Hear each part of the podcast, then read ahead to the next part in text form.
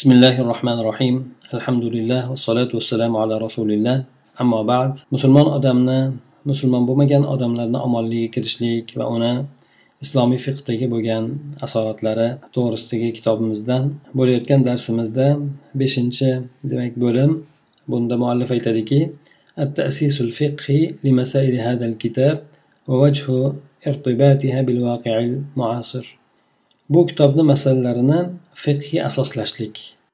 Fiqh fiqhiy tomondan asoslab demak fundament qilib o'rnatishlik. Ya'ni uni asl asoslarini dalillarini bayon qilishlik. Hamda bu masalalarni ham asr voqelikka bog'lashlik suratlari. Aytib o'tdik ko'plab olimlar avvalda e, masalalarni bayon qilib o'tgan. Bu masalalarni e, hozirgi voqeligimizga qanday bog'lanadi? Mana shu to'g'risida ekan muallif aytadiki لقد حرصت في هذا الكتاب على الاستشهاد بنصوص القرآن الكريم والأحاديث النبوية كما فهمها الصحابة الصحابة والتابعون ومن اقتفى أثرهم من فقهاء المسلمين عبر الأصول. ولم أنقل عن العلماء والباحثين المعاصرين إلا في مواضع قليلة وكان غرضي من ذلك كما أشرت إليه في المقدمة أن أشارك في تقديم نموذج من الأحكام الشرعية والأخلاقية الرائعة من مصادرنا الفقهية التي تحظى بتقدير وقبول كبير عند المسلمين عامة بخلاف كتابات العلماء المعاصرين التي قد يتجرأ بعض أصحاب الأهواء والأغراض على إثارة الشبهات حولها رغم ما لهؤلاء العلماء من مكانة علمية مرموقة وجهود muxlisa mashhuda fi xidmati islom va muslimin fi hada asr. Muallif aytadiki men mana bu kitobimda qur'on karim iboralari hamda hadis e, payg'ambar alayhissalom hadislarini iboralaridan e, shohidlar guvohlar keltirishlikka dalillar keltirishlikka haris bo'ldim. Avvalo demak qur'on hadislardan dalillar keltirdim deydi. Bu albatta sahoba tobiinlar hamda ularni izlariga ergashgan asrlar davomida ergashib kelgan musulmon fuqarolarni tushunchasiga binoandir. O'shalarni tushunchasiga binoan qur'on oyatlaridan hadislardan dalillar keltirib o'tishlikka haris bo'ldim. Men muosir bo'lgan ham asr bo'lgan olimlarni hamda izlanuvchi olimlarni gaplaridan faqatgina ba'zi o'rinlardagina naql qildim xolos.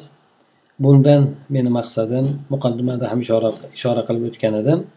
Men ajoyib bo'lgan shar'iy hamda axloqiy hukmlardan bir ajoyib bo'lgan namunani taqdim etishlikda o'zini asli fiqiy bo'lgan manbalardan taqdim etishlikda sherik bo'lishlikni sherik bo'lishlik edi.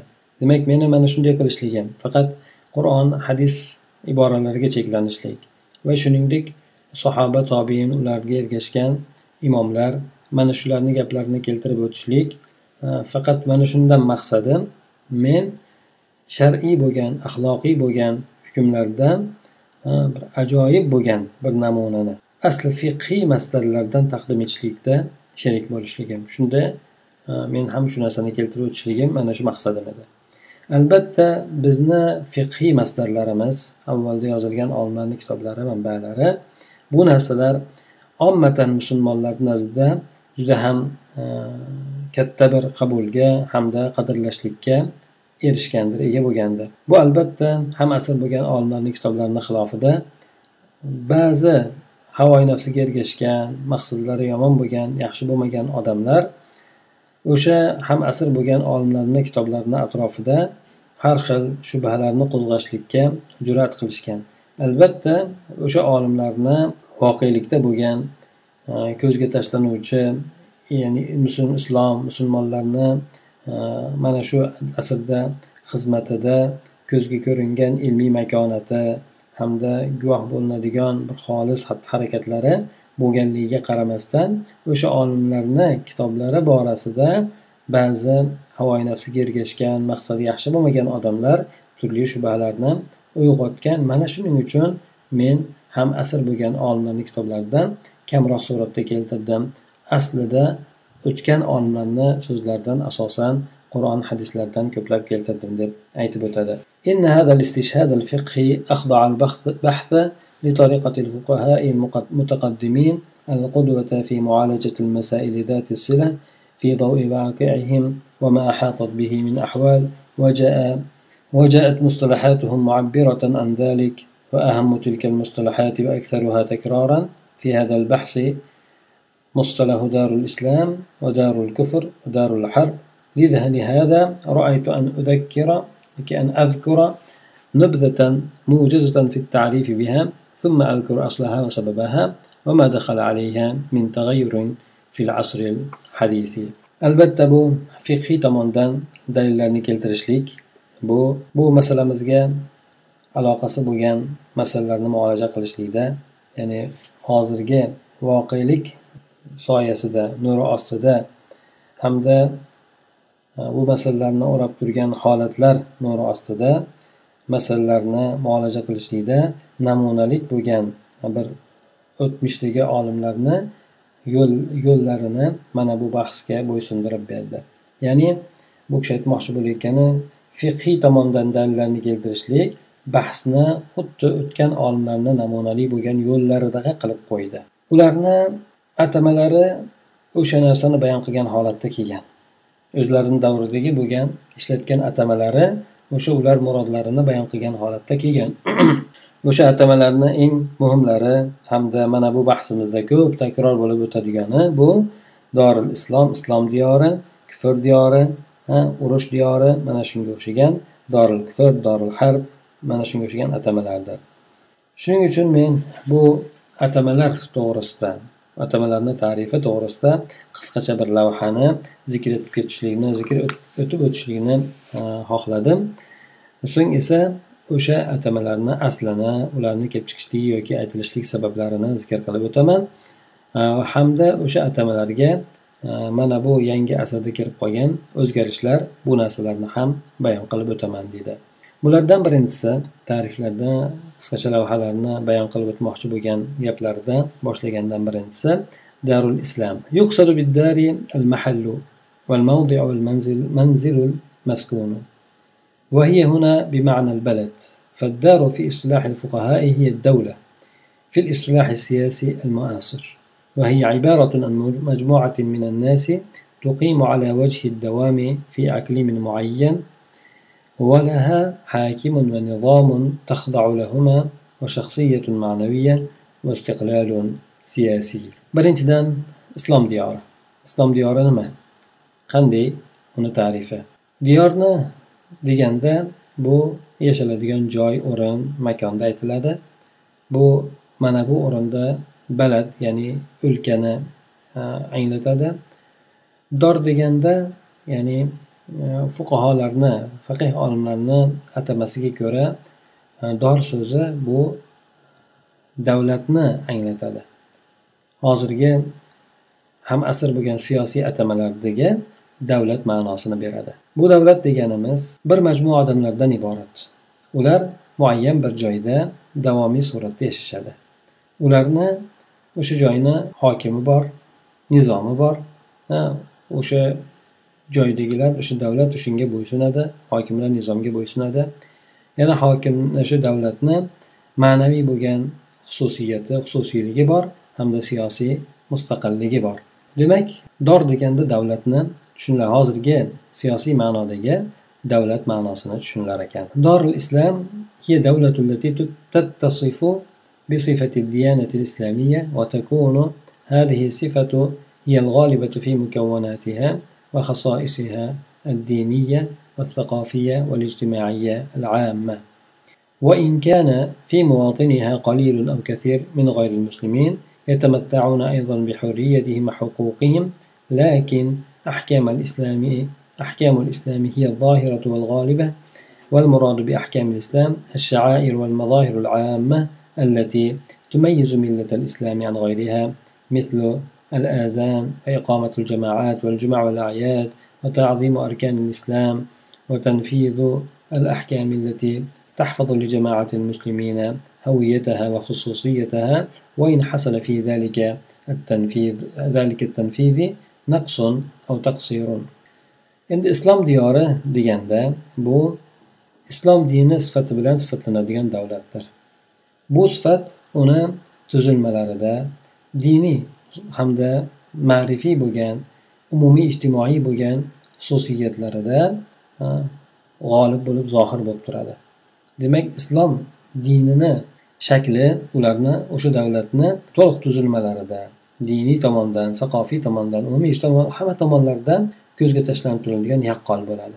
Mana shu demak islom diyori deb ataladi. Garchi uni vatandoshlarni orasida ozmi ko'pmi nomusulmonlar ham bo'ladigan bo'lsada bular o'zlarini erkinliklari huquqlari bilan foydalanishadigan bo'lsada.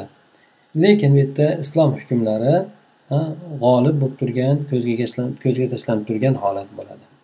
Garchi nomusulmonlar bo'lib ular ham o'zlarini huquqlaridan to'liq foydalanib turgan taqdirda ham lekin jamiyatda ko'zga ko'rinib turgan narsa islom hukmlarini yaqqol ko'zga tashlanishligi bo'ladi. Islom hukmlari bilan murod nima bu yerda? Bular ibodatlar hamda islom millatini boshqasidan ajratib turadigan umumiy ko'rinishlari. Ular ozon bo'lsin e, masjidlarda jamoat namozlari jumalarni o'qishlik hayit namozlarini o'qishlik islom arkonlarini ulug'lashlik e, hamda shar'iy hukmlarni joriy qilishlik. Bu hukmlar albatta musulmonlar musulmon jamoasiga o'zini xususiyligini hamda mohiyatini saqlab beradi. Garchi o'sha ijro qilishlikda kamchiliklar nuqsonlikka yo'l qo'yishliklar bo'lgan taqdirda ham ba'zi tomonlardan kamchilik bo'ladigan bo'lsa ham lekin shariat hukmlari bu musulmon jamoasiga o'zini borliginiyu hamda xususiyatlarni saqlab beradi.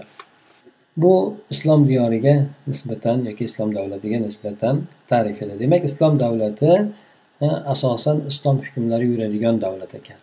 Islom hukmlari zohiran shunday ko'zga ko'rinib turadigan darajada yuradigan e, bu e, davlatni islom davlati deyar ekan ya'ni shariat ahkomlari to'liq suratda o'sha joyda ijro qilinishligi mana bu narsa demak uni islom davlatiga aylantirib qo'yar ekan garchi uni ichida musulmon bo'lmagan xalqlar ham yashab o'zlarini huquqlari bilan foydalanadigan bo'lsada ikkinchidan dorul kufr ya'ni dorul kufr kufr diyori kufr diyori bu islom e, naqidu daril islom islom diyorini teskarisi bo'ladi فهي كل دولة انتفت عنه صفة الإسلام.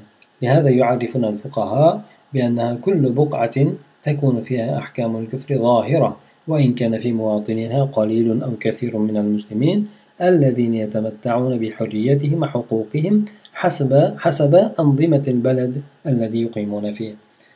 demak kufr diyori bu islom diyorini teskarisi bo'lgan diyordir bu islom kufr diyori islom sifati unda yo'q bo'lgan davlatdir. Islom sifati unda zohir bo'lmagan davlatdir. Shuning uchun fuqarolar dorul kufrga shunday deb ta'rif berishadi. Bu kufr ahkomlari hukmlari zohir bo'lgan ko'zga tashlanib turadigan hamma joy demak u kufr diyoriga kiradi. Garchi uni vatandoshlarini orasida ozmi ko'pmi musulmonlar yashaydigan bo'lsa ham. Bu musulmonlar ham o'zlarini hurriyatlari bilan huquqlari bilan o'sha yashab turgan joylardagi o'lkani diyorni qonunlariga qarab muvofiqan o'z huquqlari hurriyatlari bilan foydalanadigan bo'lsa ham demak o'sha joyda islom hukmlari zohir bo'lmagan balki aksincha kufr hukmlari zohir bo'lgan joy bo'ladigan bo'lsa buni dorul kufr kufr diyori deb atalar ekan uchinchisi esa darul harb جرى عامة الفقهاء على وصف كل دار كفر بأنها دار حرب فهذان المصطلحان بمعنى واحد. فإن كانت دولة غير دولة غير المسلمين في حال حرب مع دولة المسلمين فوصفها بدار الحرب واضح لا إشكال فيه. وإن كانت في حال موادعة ومسالمة فوصفها بدار الحرب مبني على النظر في أصل الصفة القائمة بها وهي التي ترجع إليها عند انتفاء السلام. فهي دار حرب في القوة والإمكان وإن لم تكن دار حرب. demak uchinchisi urush diyori. Omma fuqarolar ya'ni ko'pchilik fuqaho olimlar har bir kufr diyorini bu dori harb deb sifatlashlikka odatlanganlar. Demak hamma fuqarolar emas lekin aksar fuqarolar har bir kufr diyorini dori harb ham deb sifatlashlikka odatlangan ekan. Bu ikkala atama bir ma'noga bir ma ikkala atama bir ma'noda bo'lgan. Garchi endi agar musulmon bo'lmagan odamlarni riyo davlati ya'ni musulmon bo'lmaganlarni davlati musulmon davlati bilan birgalikda urush holatda bo'ladigan bo'lsa bu davlatni urush diyori yoki dorul harb deb sifatlashlik bu hech qanaqangi muammosi yo'q bo'lgan ravshan bo'ladi. Endi bir davlat islom davlati bilan urushib turadigan bo'lsa u davlatni dori harb deb atalishligida hech qanaqangi muammo yo'qdir. Endi agar musulmon davlati bilan o'sha islomga qarshi kurashayotgan davlat faqat endi kelishuv hamda tinchlik holatda bo'ladigan bo'lsa. Bunday holatda u davlatni doril harb deb sifatlashlik bu asli u qoyim bo'lgan sifatni asliga e'tibor qilishlikka asoslangandir. Bu nima narsa edi? Bu o'sha tinchlik yo'qolgan paytda qaytadigan holati ya'ni tinchlik oriziy bo'lib turgan narsa. O'zi aslida islom diyori bilan kufr diyori bir biriga zid bo'lgan. Hozir tinchlik bo'lib turishligi bu oriziy E, holat hisoblanadi. Ana o'shaning uchun buni baribir dorul harb deb atashgan deb aytadi. Bu dorul kufr garchi musulmonlar bilan birgalikda tinchlikda yoki kelishuvlarda bo'lib turadigan bo'lsa ham bu quvvati borligida imkoni borligida dorul harb hisoblanadi. Garchi hozirgi holat voqeligida dorul harb bo'lib urush olib borayotgan davlat bo'lmasada deb aytadi. Demak uchala atama dorul islom dorul kufr dorul harb E, bularga qisqaroq suratda ta'rif berib o'tib ketdi. E, dorul kufr bilan dorul harbni o'rtasini ya'ni islom diyori e, yana bu yerda pastlarda uni tafsilotlari keladi bu ta'riflarni. Musulmonlar ko'p yashaydigan joy emas balki islom hukmlari zohir bo'lib turadigan ijro qilib turiladigan joyini aytilar ekan. Ana o'sha joyni islom diyori deb atalar ekan yoki islom o'lkasi deb ataladi. Kufr diyori bo'ladigan bo'lsa kufr hukmlari zohir bo'lib turgan. Bu o'tmishdagi bo'lgan. Nima uchun o'tmishda bu holatni aytishdi? Chunki ularda boshqa holat bo'lmagan. Musulmonlar yashab islomni davo qilib lekin islomiy ya'ni aralash bo'lgan.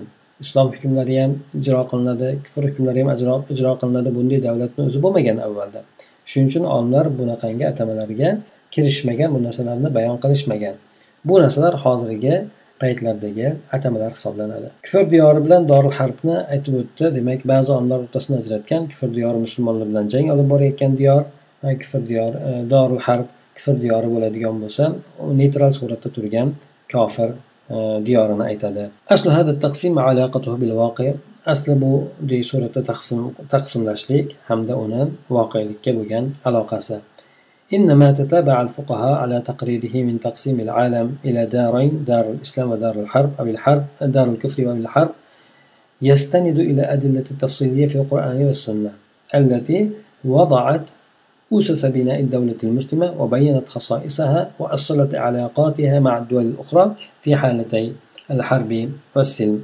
كما يستند إلى الواقع الذي ظهرت فيه آثار تلك الأحكام والخصائص والعلاقات فهذا التقسيم مبني على الأدلة الشرعية وعلى الواقع الذي كان يحكمه التدافع والصراع المستمر ولم يكن يخضع لأي نظام دولي يقنن طبيعة العلاقة بين الدول. ومن هنا عمد الفقهاء إلى إبراز هذا التقسيم وتحرير دلالته ليتيسر لهم بذلك وضع أسس العلاقة بين الدارين وتقرير أحكام شرعية المتعلقة بالمقيمين في كل دار من المسلمين وغيرهم وتمييز ما يترتب عليها باختلاف الدار من تغير وآثار فكانت دوافعهم لهذا التقسيم دينية وتشريعية وسياسية وواقعية.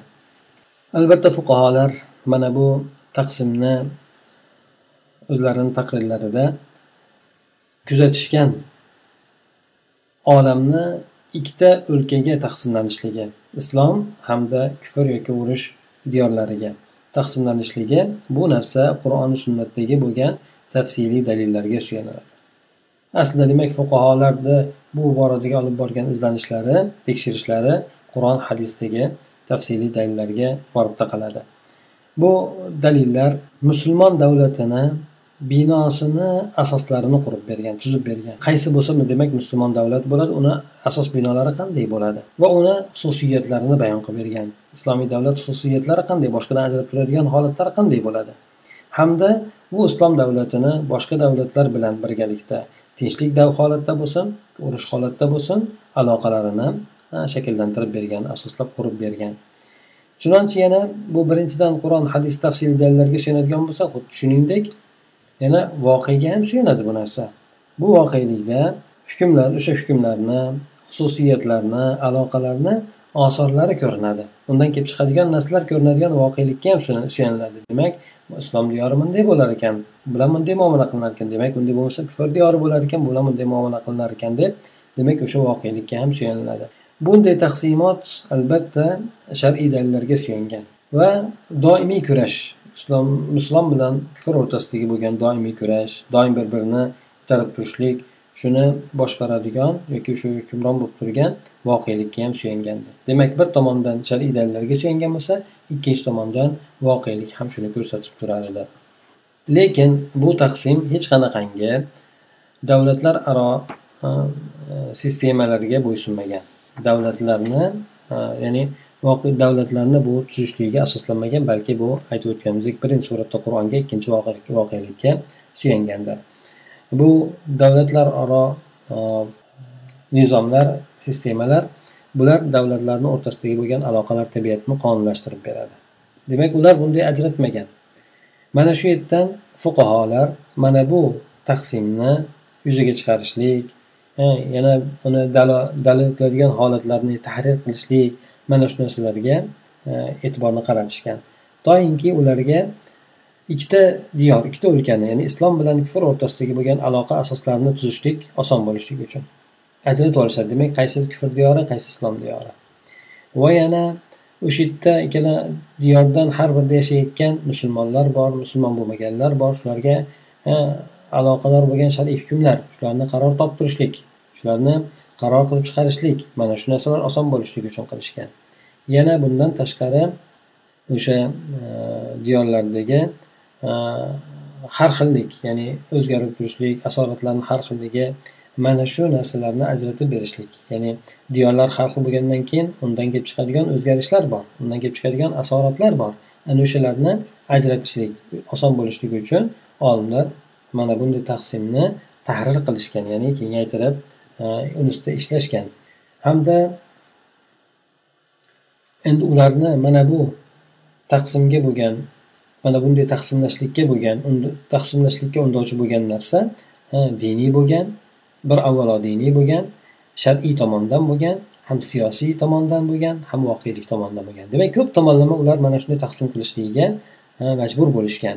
Avvalo aytib o'tganimizdek diniy tomon qonun chiqarishlik tomonidan keyin siyosiy baho berishlik tomonidan keyin keyin voqelik tomonidan ular shunday taqsimotlarni bo'lishgan. لقد حظيت هذه المسألة باهتمام العلماء والباحثين المعاصرين واختلفت آراؤهم فيها فرأى بعضهم الحفاظ عليها كما وردت في المصادر الفقهية بينما ادعى آخرون أنها تفتقر إلى مستند شرعي وليست إلا رأيا فقهيا معبرا عن مرحلة تاريخية فرأوا إلغاءها تماما وتوسط فريق ثالث فرأوا أن عقد الصلح والسلام يزيل صفة الحرب عن الدار فتكون دار كفر لا دار حرب وتسمى حينئذ بدار العهد bu masala ya'ni dorul kufr dorul islom shu masala taqsimot masalasi hozirdagi bo'lgan ham asr olimlarini ham izlanuvchi bo'lgan bahslarni ham ehtimomini o'ziga qaratgan ularni bu boradagi bo'lgan fikrlari ham har xil bo'lgan ba'zilari ana o'shandek avvalgilar zikr qilgan holatda saqlab qolishligidan o'ylashadi. Ya'ni shuni shuni xohlashadi. Ya'ni avvalda aytilgandek shu narsa qolishlik kerak deydi. Bu fiqhiy masalalarda kelganidek. Ya'ni doril har doril islom shu avvalda zikr qilingan bo'lsa uni shu sifatlar bilan qolishi kerak deydi. Bu yerda yana bir boshqalar davo qiladiki bu bunday qilishlik e, shar'iy bo'lgan e, suyanchga suyanadi muhtoj bo'ladi. Shar'iy bo'lgan suyanchga muhtoj bo'ladi. Bu esa hop tarixiy bosqich to'g'risida bayon qiluvchi fiqhiy fikr bo'lgan. Doril islom doril harb doril firq deb taqsim qilishlik o'sha bir tarixiy bir bosqichlarda bo'lib o'tgan fiqhiy fikr bo'lgan olimlardagi hozir esa demak buni to'liq suratda bekor qilish kerak. Chunki hozir ko'p o'zgarishlar bor o'sha o'zgarishlarga qarab turib baho berishlik kerak bo'ladi. Ularni yana tafsilotlariga kirish kerak bo'ladi deb ikkinchi toifa olimlar aytadi. Yana bu yerda uchinchi toifa olimlar borki bular o'rta me'yorni lozim tutishadi.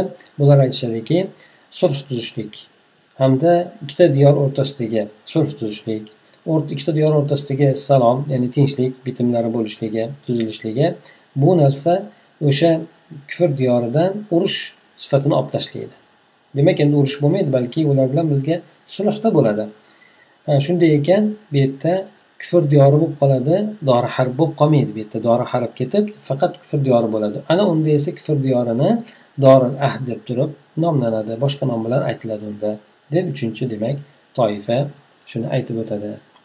Bundan keyingi demak e, mavzuni davomida o'sha asosan e, uchinchi aytib o'tgan e, mo'tadil bo'lgan yoki o'rtamiyona bo'lgan so'zni ustida demak bu kishi e, shuni rojih deb bilib shuni quvvatlashlikka harakat qilib o'tadi. سبحانك اللهم وبحمدك نشهد أن لا إله إلا أنت نستغفرك ونتوب إليك اللهم انفعنا بما علمتنا وعلمنا ما ينفعنا وزدنا علما